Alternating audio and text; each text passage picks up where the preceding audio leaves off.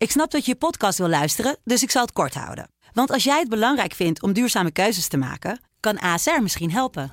Nou hoor ik je denken, hoe dan? Nou, bijvoorbeeld bij het duurzaam herstellen van schade. Of de premies die we beleggen volgens ons duurzaam beleggingsbeleid. Dat bepaalt waar we wel en juist niet in investeren. Wil je meer weten over welke duurzame keuzes ASR maakt? Ga dan naar asr.nl slash duurzame keuzes. ASR doet het. Zo, dan kan je nu lekker naar je podcast luisteren.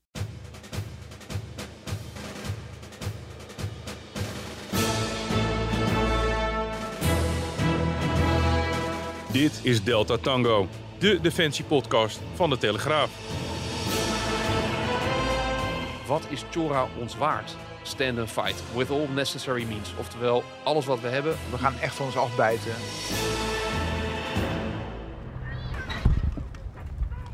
Achterwaarts. Achterwaarts. Achterwaarts. Achterwaarts. Blijf laag. Ja, we komen er uh, deze keer uh, heel hard in met uh, Delta Tango. Het geluid wat je hoort is het geluid wat er was kort na een zelfmoordaanslag in Tarinkot, Afghanistan. Op vrijdag 15 juni 2007. En dat is niet willekeurige datum, maar het is een datum die voor heel veel militairen ja, echt in een bruin gegrift zit. Omdat het het begin was eigenlijk praktisch gezien van een, uh, een historische periode in de Nederlandse krijgsgeschiedenis. Namelijk de slag om Chora. Daar gaan we het vandaag over hebben. Dit is Delta Tango. Mijn naam is uh, Olof van Jolen. En uh, bij mij is zoals altijd onze collega defensieverslaggever Silvan Schoonhoven. Silvan, welkom. Ja, de slag om Chora, die is in één keer weer actueel geworden, hè, vorige week. Ja, de rechter heeft daar een oordeel over uitgesproken. Niet, niet over de slag als geheel, maar wel over één onderdeel van die slag. Want ja, zoals bekend, bij de slag om Chora zijn veel burgerslachtoffers gevallen. In het treffen tussen de Taliban en de Nederlandse militairen. En in één geval is een ommuurde woning gebombardeerd door F-16-bommen, Nederlandse bommen. En daarbij zijn ongeveer twintig Afghanen omgekomen. De rechter heeft geoordeeld dat Nederland die bommen niet had mogen gooien, omdat er niet voldoende duidelijk was dat dat huis een uitvalsbasis was voor de Taliban. Ja. Nou, over dat vonnis gaan we het vandaag uh, uitgebreider hebben ook. Maar wat we eigenlijk willen in deze aflevering van de podcast is dat we aan de ene kant terug willen naar die, die spannende dagen toen. Hele heftige dagen. Maar we willen eigenlijk ook wat vertellen over uh, hoe wij dat onderwerp uh, onderzocht hebben de afgelopen jaren. En uh, het resultaat daarvan hebben we toevallig vandaag allemaal bij ons. Dat ligt hier op tafel in de studio. Schaduwoorlog Ooruzgan, dat is een boek wat we samen hebben geschreven. Ook verhalen die uit voort zijn gekomen voor de krant die, die we uitgebreid geschreven hebben. Tijdens die research werd ons al duidelijk hoe ongelooflijk gevoelig dat lag. Hè? En nog steeds ligt. Ja, want onze eerste intentie was om een boek te schrijven helemaal over die slag om Chora. Omdat dat zo'n beslissend moment is geweest in de Nederlandse krijgsgeschiedenis. Hè. De, het was de grootste veldslag die Nederlandse militairen voerden tijdens hun missie uh, in Afghanistan tussen 2006 en 2010. En bij onze pogingen om de achterliggende stukken van die slag boven water te krijgen, dan heb je het over de after-action reports en dergelijke, liepen wij toch wel tegen een muur van onwil aan. Niet zozeer bij um, de voorlichters van Defensie zelf, want die, waren, die zagen dat eigenlijk wel zitten. Hè? Die wilden Absoluut. best wel meewerken. Die uh, vonden het een goed idee om toch die belangrijke periodes even uit te lichten en te laten zien welke keuzes daar op welk moment zijn gemaakt en hoe het verloop was van die actie. Die zegt eigenlijk alle medewerking toe. We konden misschien wel betrokkenen, commandanten spreken en dergelijke. Maar op een gegeven moment gingen toch uh, de luiken een beetje dicht. En dat was, zo begrepen wij, op last van de juristen van het ministerie van Ja, Defensie. ja. Die uh, bang waren voor rechtszaken. Die uh, toch stukken niet in de openbaarheid wil, wilden gooien. En daardoor liep ons plannetje om een uh, boek te schrijven over Chora liep een beetje vast. Ging nog verder zelfs, want uh, wij hebben, en dat mogen we denk ik nu wel onthullen, uh, we waren toen al zodanig in de research dat wij aanwezig zijn geweest bij een lezing, bij een presentatie die heel veel vaker gegeven is door de commandant van de Nederlandse troepen in Chora ten tijde van de slag, Larry Hamers. Inhoudelijk zullen we daar niet over vertellen, want dat, dat was, uh, uh, hebben we gedaan op basis dat het off the record was. Dus inhoudelijk zou ik het ook vertellen, maar ik denk wel dat we het kunnen delen. Dat maakte op mij toen hele diepe indruk. En wat met name diepe indruk maakte, was dat hij dat verhaal al zo vaak verteld heeft. Hij deed dat verhaal toen aan een aantal leerlingen van de Koninklijke Militaire Academie. Uh, op, op het complex voor mij naar Amersfoort was dat toch, zijn we geweest? Ja, Ja. Op de kazerne. Er was een klein klasje van militairen. En daar vertelde hij van, nou, zo ontrolde die slag zich. En eh, ik weet nog, na afloop zei hij van, ik ben, ik ben helemaal kapot nu ik dit Ja. verteld heb. Ik moet hier d- misschien een dag van bij komen. Je, je zag dus ook wat voor, wat voor een impact eh, nog steeds eh, die dagen eh, en de beslissingen die hij toegenomen heeft, die op hem dat hadden. Nou, enorm indrukwekkend. Eh, dat maakte ook dat, eh, dat wij toch best wel de overtuiging hadden van eh, hier, hier kunnen we een heel interessant en relevant boek van maken. Want de wil daar was er ook echt wel om mee te werken en dat verhaal te vertellen. Zowel wat er goed gegaan was als ook de dingen die niet goed gegaan zijn. En vervolgens, eh, eigenlijk kwam het erop neer, eh, werd er gezegd, wij, wij eh, vanuit de juristen van Defensie, wij ontraden actief dienende militairen mee te werken. Maar goed, dat is juristentaal voor. Ze hebben gewoon een spreekverbod. Want daar Ja. kwam het op neer. Alle luiken gingen dicht. Gelukkig heeft niet iedereen zich eraan gehouden. hè. Nee, dat is altijd heel fijn dat er mensen zijn die er toch ook nog wat anders in staan. En er zijn de nodige mensen die uit dienst zijn, die eh, dus eh, zich wel vrij voelen om te praten. Daar hebben we ook uitgebreide gesprekken mee gehad. Waren ook heel indrukwekkende gesprekken in heel veel gevallen. Omdat je, doordat de manier waarop die mensen vertelden, vond ik, ehm, je helemaal ja, zeg maar, bij die slag aanwezig was. En ook ah, van die mensen voelde hoe ze dat toen ervaren hebben. Ja, want er stond toen heel veel op het spel. Dat was duidelijk.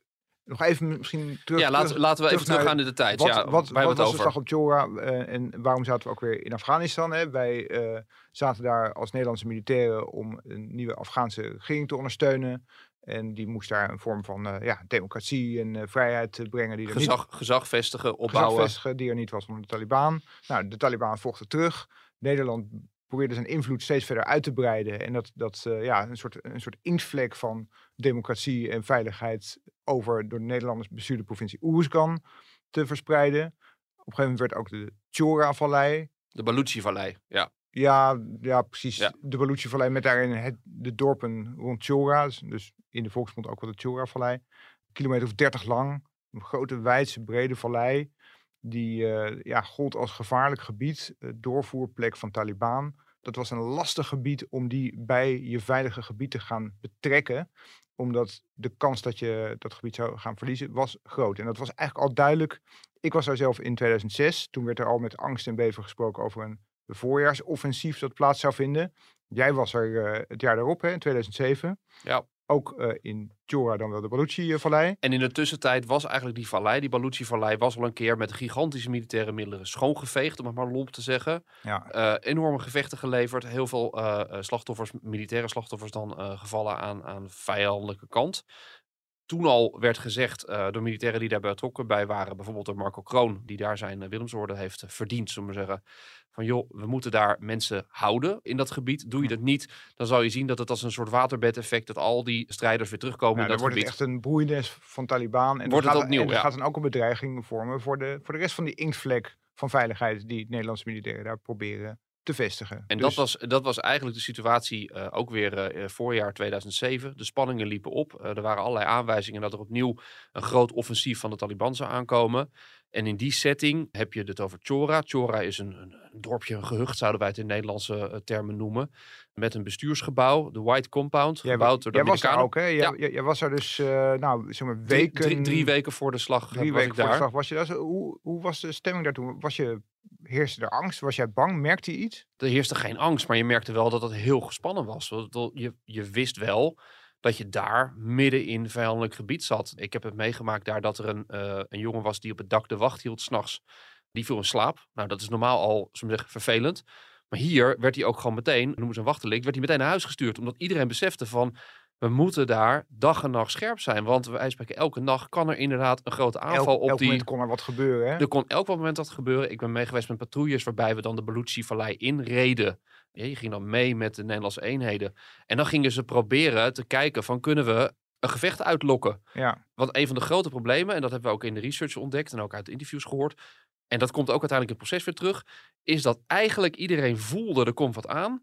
Maar die vinger erop leggen van Nee. hoe zit het precies, dat lukte maar niet. En Ze, dus ze trokken die vallei door. Ze hadden allerlei informatie van, ja, de troepen trekken zich samen uit heel Afghanistan misschien wel. Hè? En zelfs daarbuiten, ook buitenlandse strijders, die, die mengen zich daarin. Die, die zijn zich aan het groeperen daar. Maar waar zijn ze? Ja. Eh, dus ze hebben die vallei doorzocht. Ze hebben, ze hebben grotten gekeken. Ze hebben huizen doorzocht. Maar ze konden ze niet vinden. Maar ze, ze, hadden echt het gevoel en ook de inlichtingen dat ze er wel moesten zijn. En dan, en dan kom je in die situatie terecht. En dat is ook fascinerend, want dat, dat blijft maar doorduren. dat er een, een inschatting is. Ik heb het vanochtend even opgezocht in het boek. Dat er geschat wordt door de eigen inlichtingencel dat er een potentieel aan tegenstanders is van 150 tot 1000 of misschien wel meer strijders. En het probleem daarvan is, is dat als je het hebt over 100, 150, dat zouden de Nederlandse militairen daar op die buitenpost eh, in dat, in dat onmuurde gebouw waar ze zaten, die White Compound, dat zouden ze prima aankunnen. Want dan heb je het over, over eh, beter bewapend ben je zelf, je hebt betere middelen, beter getraind. Maar duizend man, dan heb je het over dat je of, denkt, nou, of zelfs wel 1500. Ook, ook dat eh, aantal is, is wel genoemd. Hè? En, en dan zou je finaal worden overlopen. En dan heb je het echt over een drama. Dus die onduidelijkheid, die knaagde aan, aan de mensen. En ik denk dat die, die onduidelijkheid ook heel erg bepalend is geweest. Ook voor de, de mindset van al die lui in de staf daar. Van ja, hoe moeten we die, wat moeten we hiermee? Ja, want wat van groot belang is ook om te realiseren dat de angst ook bestond voor een tweede Srebrenica. Een scenario waarbij Nederland voor een soort overmacht kwam te staan van tegenstanders. Die de vrije hand moest geven. Waarna er allerlei gruwelijke dingen met de burgerbevolking zouden Ja, gebeuren. Absoluut. Dat was een soort zwaard van Damocles dat eh, boven eh, die vallei hing. Wat allemaal nog saillanter werd gemaakt doordat de, eh, de mensen die daar zaten, de militairen van de eenheden die, die daar gestationeerd waren, dat, dat waren troepen die daar op tourbeurt zaten. Hè, dus dat was meestal volgens mij uit mijn hoofd twee weken daar en dan weer een week af. Dat waren voor een deel dezelfde mensen die in Srebrenica gezeten Ja, hebben. Dat Dutch waren Bed, de eh, drie, eh, stoottroepers. Er zaten ook best wel wat Dutch met drie veteranen onder. Dus ook dat zat wel in dat, in dat bewustzijn van die, van die club, van die groep. Ja. Nou, uiteindelijk wordt het 16 juni. Hè, we hebben dan, eh, waar we mee begonnen, de aanslag op eh, Timo eh, Smeehuis. Of in ieder geval de aanslag op een Nederlandse eenheid gehad. Waarbij eh, Timo Se- Smeehuis omkwam. En nog, en nog een dozijn kinderen niet te Ja, vergeten. Afghaanse kinderen. Het was echt een bloedbad. Eh, je ziet ook, eh, want het geluidsfragment wat je hoorde kwam van RTL. Die was erbij. Eh, die ehm, registreerde de paniek. De er waren ook commandanten ja. die, die kalm bleven. Maar ook, er was ook gevloek en getier, paniek. Eh, nou ja, voor het eerst echt zo'n zelfmoordaanslag waarbij een Nederlander om het leven kwam. En ook nog eh, allerlei andere slachtoffers op de grond liggen. Een heel dramatisch gezicht. Dat wordt gezien als een soort eerste klap waarmee het toen misging in juni. Wat gebeurde daarna? Eh, Dan zie je, dan wordt, dan wordt de aanval ingezet. Hè, en dat, en dat eh, manifesteert zich eh, 16 juni. Dan heb je rondom, rondom Chora staan een aantal politieposten. Hè, dat, dat zijn in, Amerika, of in, in Afghanistan werd de verdediging gedaan door de Afghan National Police. Dat, dat is, eh, nou ja, dat is, in theorie zou dat eh, iets beter bewapende politie zijn dan bij ons. Ja. En die posten beginnen één, op, één voor één beginnen te vallen. Eh, Ja, dus ze kunnen dat gewoon niet aan. Dat moet je over niet, veel van voorstellen. Hè. Dat, Nee. dat, dat zijn een beetje eh, ja, rafelige tenten met een vlag erboven en een beetje prikkeldraad. En een roestige mitrailleur, zoals wij van een roestige- commando hoorden. en- ja. precies, die het dan niet deed. En politiemensen die de, eigenlijk de hele dag stoned waren. Ja. Niet vergeten. Daarvan moesten we het hebben. Nou ja, dat schept niet echt vertrouwen. En dat zijn posten die zijn makkelijk in te nemen. En in de vroege ochtend van de zaterdag, volgend op de vrijdag van die aanslag, wordt de commandant in Chora, die wordt wakker gemaakt omdat er beelden vanuit de lucht zijn. Ja. En hij kijkt naar de beelden op het scherm en hij ziet daar een kolonne mannen in het donker optrekken richting de White Compound. Dus richting die basis waar de Nederlandse militairen zitten. En hij schrikt, want hij denkt van ja, dit zou dus het begin kunnen zijn van die lang verwachte Ja. aanval. Exact. En hij doet dan, en dat staat netjes op papier van meerdere mensen gehoord, dus we klappen niet uit de school wat niet mag. Hij doet dan de legendarische uitspraak, het lijkt er niet op dat dit de avondvierdaagse is waar ze mee bezig zijn. En dan wordt het al heel ingewikkeld, want op dat moment, die beelden, dat is, dat is natuurlijk best bijzonder. Die kan hij zien via een, een verbinding, maar die zien ze ook in de, de ops room, dus eigenlijk de centrale ruimte waarin de hele missie wordt aangestuurd op Kamp Holland. Je ziet ze daar lopen en op dat moment hangt er ook een, een vliegtuig boven, want die maakt die opname. Zo'n- Dus je een- zou een- een denken van, jachtvliegtuig eh, gooi er een bom op hè. bom op of aanvallen. En vervolgens komt daar dan discussie tussen de commandant eh, in, in die, die eigenlijk vraagt van, nou ja, doe hier wat aan, los dit op. Versus de opsroom in, eh in Tarankot, waar ze zeggen, ja, wacht even, eh, we, we moeten ook kijken naar onze geweldsregels. En, en die bepalen, we kunnen niet met zekerheid zeggen dat dit echt strijders zijn. Want het was niet heel erg zichtbaar dat die mensen Zelfs eh, al zie je dus een optocht van mannen in de nacht die ja, lopen in de richting van eh, het militair centrum. Dat is niet genoeg. Dat was ook de theorie en dat is ook niet helemaal aan het niks ontbroten. Het zou net zo goed een groep boeren kunnen zijn onderweg naar een markt. Die gebruik maken van de, van de nachtelijke koelte. Ja, Ja. eh, als jij daar een bom op gooit, dan heb je wel een gigaprobleem als dat achteraf dus niet blijkt te zijn wat je denkt. En er is, was ook nog de factor dat die mensen op dat moment geen daadwerkelijke dreiging vormen. Want ze waren nog best wel ver verwijderd van die white compound. En je En, kan ze geen zichtbare wapens ook, hè? Dat maakt dus op dat moment wordt er ook gezegd eh, eh, tegen die eh, jachtvlieger die daarboven hangt: Sorry, maar je krijgt geen toestemming om te vuren. En dat zorgt, dat zorgt voor, voor spanning en, en voor irritatie. En zeker na de rand zal er nog wel gezegd had, zijn: hadden we toen maar. Maar ja, dat, is, dat zijn de spelregels van, van de toepassing van geweld. Dus die, dat jachtvliegtuig dat verdwijnt gaat naar een andere opdracht. Ja, en vrij snel daarna beginnen die politieposten te Ja. vinden en beginnen de vijandelijkheden. Want die groep die raakt uit, uit beeld. Maar vervolgens, zaterdagochtend, klinken wel de geweerschoten en eh, beginnen er mortieren te vallen. Kortom, er blijkt inderdaad sprake van een aanval op allerlei politieposten in die Baluchi-vallei. En ja, daarmee is de slag om Chora echt begonnen. Die zaterdag die is gevuld met allemaal schermutselingen. Hè. Er wordt geschoten over en weer. eh, politieposten komen om druk te staan en vallen in de handen van de Taliban. Het is menens. En eind van die zaterdag, dan is er een soort overleg van oké, waar staan we nu? Waar gaan we naartoe? En wat kunnen we doen? Want er komt een punt, en dat is eigenlijk het kritische punt van, van dit hele verhaal. Dat de commandant in Chora vraagt aan zijn superieuren in Tarinkot: Wat moet ik? Want hij ziet in, op basis van de inlichtingen die hij heeft, op basis van het gevechtsbeeld, dit ga ik in mijn eentje niet redden. Dit ga ik niet met, met de mensen met wie ik hier zit. Volgens mij waren dat alles bij elkaar een man of 90. Is zijn inschatting, ik, ik ga dit niet redden. Dus als wij hier willen blijven, dan hebben we eigenlijk twee opties. Of we blijven met versterkingen, dan wel, eh, ja, we laten Chora eh, gaan. We vertrekken nu en we kijken hoe, hoe het verder gaat. En dan krijg je dus het, het, lastige eh, besluit wat moet worden genomen door Hans van Giensve, de commandant van de Taskforce Oersgan. Die moet de afweging maken. Eigenlijk wordt de vraag aan hem gesteld, wat is Chora ons waard? En hij maakt uiteindelijk, eh, na overleg met eh commandant de strijdkrachten, met de minister, neemt hij het besluit. En die woorden komen ook het vonnis terug, stand and fight. Oftewel, we blijven. We blijven en, en, en we vechten. en wat eraan gekoppeld wordt, hij zegt daarbij, with all necessary means. Oftewel, alles wat we hebben, we gaan echt van ons afbijten. alles wat nodig is, kunnen we inzetten. En op dat moment kom je ook in, eh, in het scala dat je dus mag denken aan het gebruiken van eh, zware artillerie. Dus de, de panzerhowitzer die op Kamp Holland stond. Ja, die wordt in stelling gebracht. En ook het, eh, het luchtwapen. Dus eh, in, in Afghanistan was dat geregeld met een, met een pool. Waarbij alle landen hun jachtvliegtuigen en bommenwerpers en alles wat ze hadden inbrachten. Er wordt dus ook naar het hogere commando van de, de regionaal commandanten in het zuiden contact gelegd en gevraagd. Luister, wij, wij willen dit gaan doen. Nou, hij zegt letterlijk van het is ambitieus, maar waarschijnlijk wel te doen. Te doen. En hij geeft op dat moment ook eh, eigenlijk carte blanche. Hij zegt, weet je, alles wat we hebben wat vliegt gaat eh, richting Chora. Wat je dan krijgt is een beetje, een beetje een gekke situatie. In Chora zelf wordt het die avond, die zaterdagavond, net een beetje rustiger eigenlijk. Lijken de, de gevechten wat af te nemen. Maar Dat is ook heel logisch, hè? Want, die, want dat is ook altijd de verklaring. Die, Afga- die Afghanen hadden geen nachtzichtapparatuur. nee, Dus het wordt donker. je zag standaard dat de Taliban minder Ja. s'nachts opereerden. Maar in de opsroom in Tarinkot, waar de commandanten zitten, daar hebben ze nog het idee dat het volop oorlog is in de Baluchi-vallei, in, in Chora. Dus die hebben nog steeds het, het idee van we moeten, het, het is nu erop of eronder. Ja. In Chora misschien op dat moment even net een soort luwte is ingetreden. Die nacht gaat het dus helemaal los. De panzerhouwitser wordt in stelling gebracht en er worden 145 mm granaten afgevuurd vanuit het kamp op die vallei. Dik 30 kilometer, hemelsbreed. 30, 40 kilometer verderop. Nou, een stuk of 40, 40, 50 granaten erop. En vervolgens eh, komen de vliegtuigen. En die gooien zo'n 55 eh, bommen op doelwitten.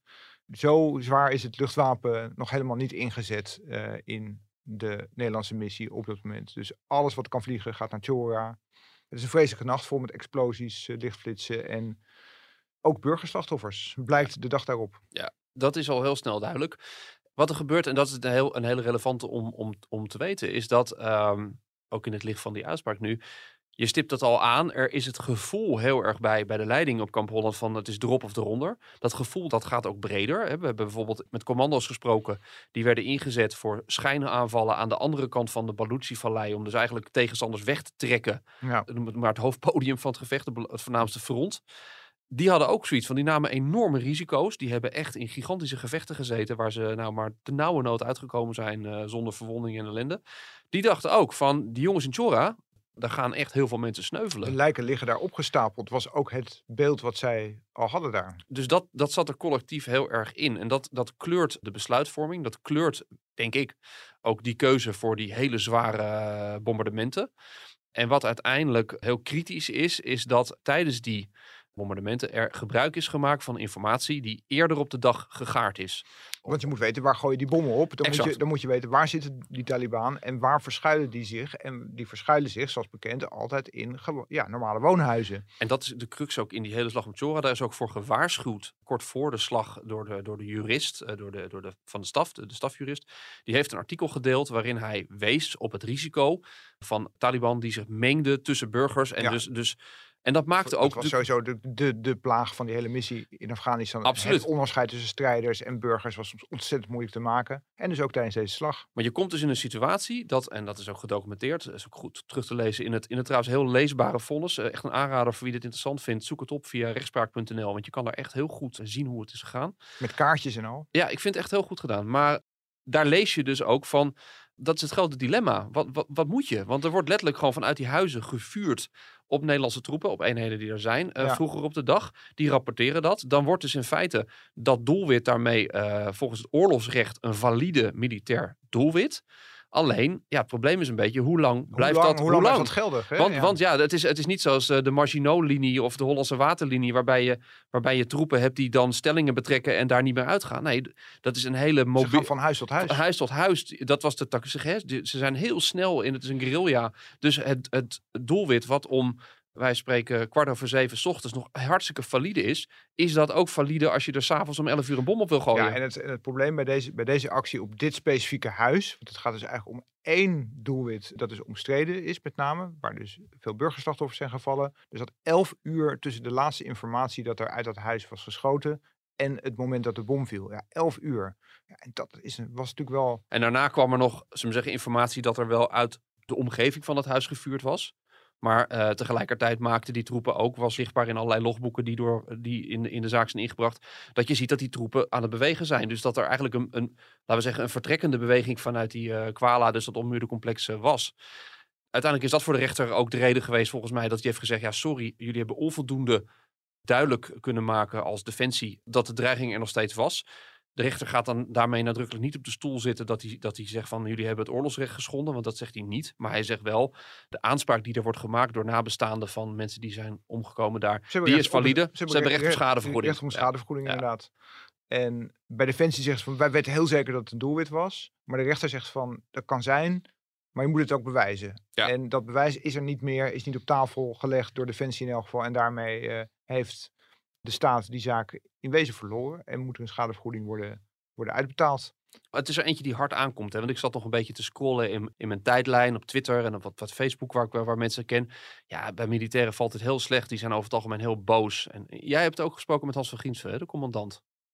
Ja, nou, die zegt ook van, de rechter begrijpt het gewoon niet. Die begrijpt niet die hele context. Je kunt wel heel, heel sec één casus eruit lichten en dan zeggen van, ja, het bewijs ontbreekt. Maar het gaat om het grote plaatje, zegt hij. En dat grote plaatje duidde er gewoon aan dat, dat die dreiging heel acuut was.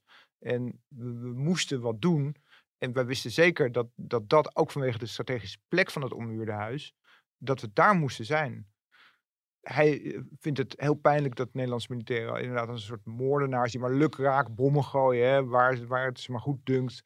Hij zegt van zo was het gewoon niet. Er is heel zorg- zorgvuldig eh, gewerkt. Nou, ook als je die, eh, dat herinner ik me nog heel goed van, van die, we hebben een ochtend, eh, of bijna een hele dag, hebben we opgesloten gezeten in een kamertje in, het, eh, in, in de buik van het ministerie, waar we stukken hebben gelezen. Ja, dat zijn after-action rep- ja, de reports en zo. gevechtsverslagen, Ja, hè, ja. waarbij je nou precies ziet van hoe dat dan gaat. Buitengewoon wel- lastig le- leesbaar overigens. Hè? Allemaal afkortingen, tijdscodes. Je weet niet wie wie, Nee. wie, wie is. Het is, Nee, we he- hebben gelukkig, een hele taaie materie. We hebben gelukkig daarna met de stukken die we wel die we kregen, hebben we ook nog wel wat hulp gehad. Of de aantekeningen we mochten ze niet meenemen, maar we hebben wel aantekeningen gemaakt. Die aantekeningen hebben we nog een soort van laten vertalen door, eh, door bevriende militairen.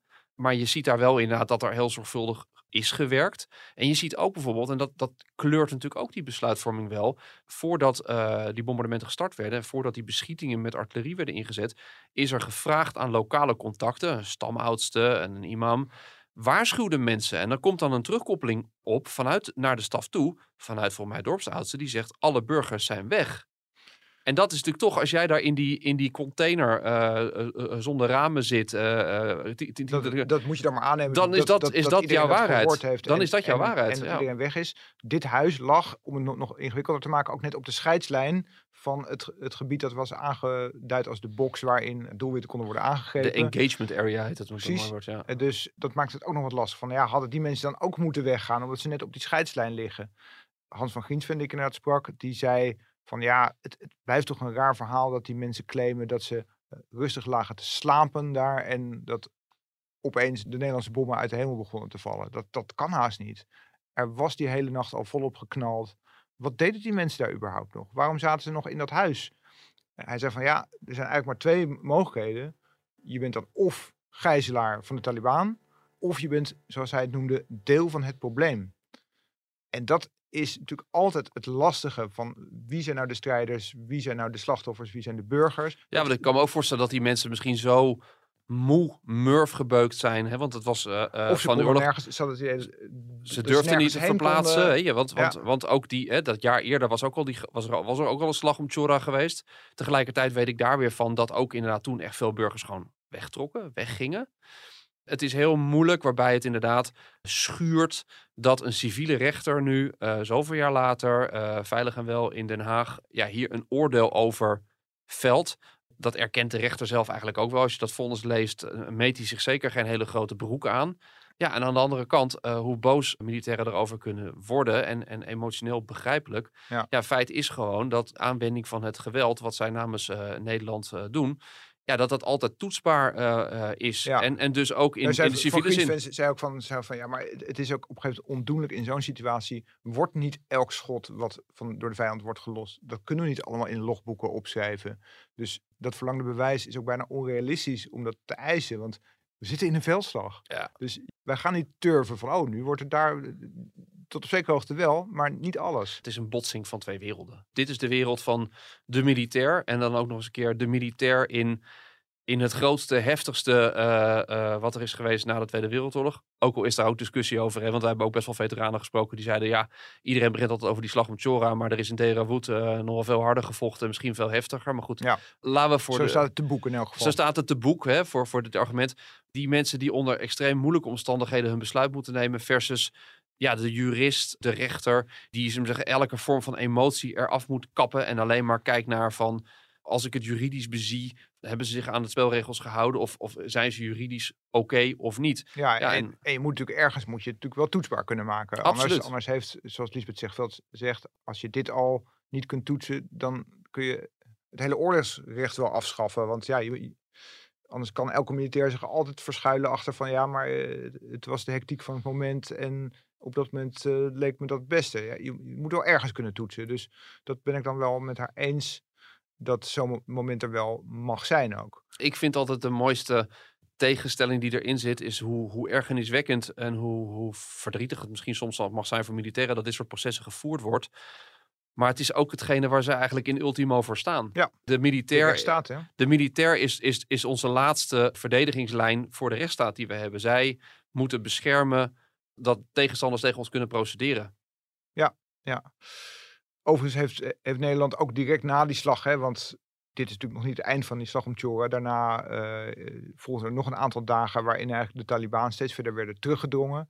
Nederlanders stokken ook het gebied in om de schade te bekijken, ook van die bombardementen die er gedaan zijn. En daarbij was al heel snel duidelijk, ook in de ziekenhuizen begonnen de slachtoffers zich te melden, dat er burgers, burgerdoden, burgerslachtoffers, gewonden waren gevallen. En ja, dat dat niet alleen de schuld was van de Taliban, maar ook eh, van het Nederlandse geweldsgebruik.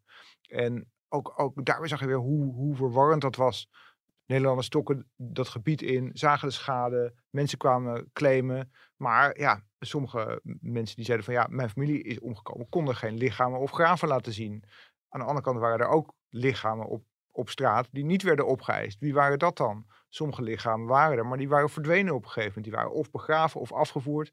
Niemand kon laten zien wie die nou was, hoeveel familieleden die precies had. Iedereen riep maar wat. Het is, was één grote mist van verwarring van wat is nou precies gebeurd en wie heeft wat gedaan. Het is bijna niet te reconstrueren. Wij kunnen ons het hier bijna niet voorstellen, want hier, ja, hier kun je dat veel beter cons- reconstrueren dan daar. Zeker. Daar was dat een, eh, een ramp om dat helder te krijgen. Nou ja, en ik denk ook wel, misschien is dat ook wel het beste besluit. Wat je ziet ook dat eh, in Nederland mensen ook het eigenlijk niet goed kunnen begrijpen wat er gebeurd is. We, we hebben toch weer de neiging om dat naar onze eigen maatstaven eh, eh, te beoordelen, te bezien. En er moet er goed zijn, er moet een fout zijn en eh, er moet iemand verantwoordelijk worden gesteld en er moet schande worden geroepen. En dat is in dit geval gewoon toch, toch echt niet op zijn plek. Feit is dat, dat ja, militairen daar, daar een hele zware slag hebben uitgevoerd. En dat het maatschappelijk slecht zou gaan vallen, dat ze onbegrip zouden hebben. Dat was eigenlijk al, eh, al op, terwijl die slag nog bezig was, al duidelijk. En ik vind dat, eh, vond dat hele bijzondere woorden van Hans van Ginsven. Die, terwijl eh, de Panzerhauwitzer begon te vuren, tegen collega zei... Nou, ga er maar rustig vanuit dat we over drie jaar hierover een parlementaire enquête hebben. Want dit gaan ze niet aankunnen eh, in Nederland. Ja, het Nou, is het is alleen, eh, Het is geen drie jaar geworden en geen parlementaire enquête, maar wat meer jaren, maar een Er hele grote wel- rechtszaak. er Maar, zijn wel maar vragen over gekomen. Ja, feit is dat eh, ook hier weer met dat proces zie je toch dat, eh, dat mensen het, het moeilijk vinden om, om de nuances te zien die, die er rondom zo'n zo'n slag als dit zitten. ja. Hoe liep het af met Chora? Hè? Want anders blijft het een beetje hangen van... Nederland ging op een gegeven moment het tegenoffensief inzetten. Drong de Taliban uit de vallei. Daarbij werd hier en daar nog een schot gelost. En een, eh, nou ja, wel meer dan dat. Er werden, er waren behoorlijke schermutselingen nog. Maar na een paar dagen, zeg maar op, op maandag, dinsdag, woensdag... toen was het wel zo'n beetje gedaan. Toen was de Baluchi-vallei en Chora weer in handen van de Nederlandse militairen en eh, ja, de Afghaanse autoriteit. En ja, bittere realiteit is van hij is, de vallei is natuurlijk nu weer gewoon in handen van de Taliban. Sinds wat er vorig jaar zich heeft afgespeeld. Sterker nog, eh, en, eh, ruim voor- daarvoor. Ruim voor Kabul eh, viel, eh, was dat al het geval. Ik Ja. weet dat ik op een gegeven moment 's ochtends vroeg een, eh, een filmpje zat te kijken en plotseling dacht, hé, hey, dat gebouw herken ik. En dat bleek eh, de White Compound te zijn waar, eh, waar Taliban-leden bij elkaar stonden. Want dat gebouw is, is, was toen het symbool van de slag, maar is nu nog steeds natuurlijk een symbool van dat gebied. Dat wil je inpikken om te laten zien dat jij daar de baas bent. Ja, en het dat is, deden de eh, Taliban, hè, die gingen daar hun, eh, hun ochtendgebed uit, uitvoeren in dat, in dat gebouw. Het zal een, zal een schok van herkenning geweest zijn. de weerbarstigheid van het Afghaanse verhaal. Wellicht komt er nog een vervolg op Chora. Eh, het zal altijd een, markante periode zijn geweest in de Nederlandse krijgsgeschiedenis, maar ook iets wat altijd toch een beetje een, een open zenuw zal blijven op deze manier.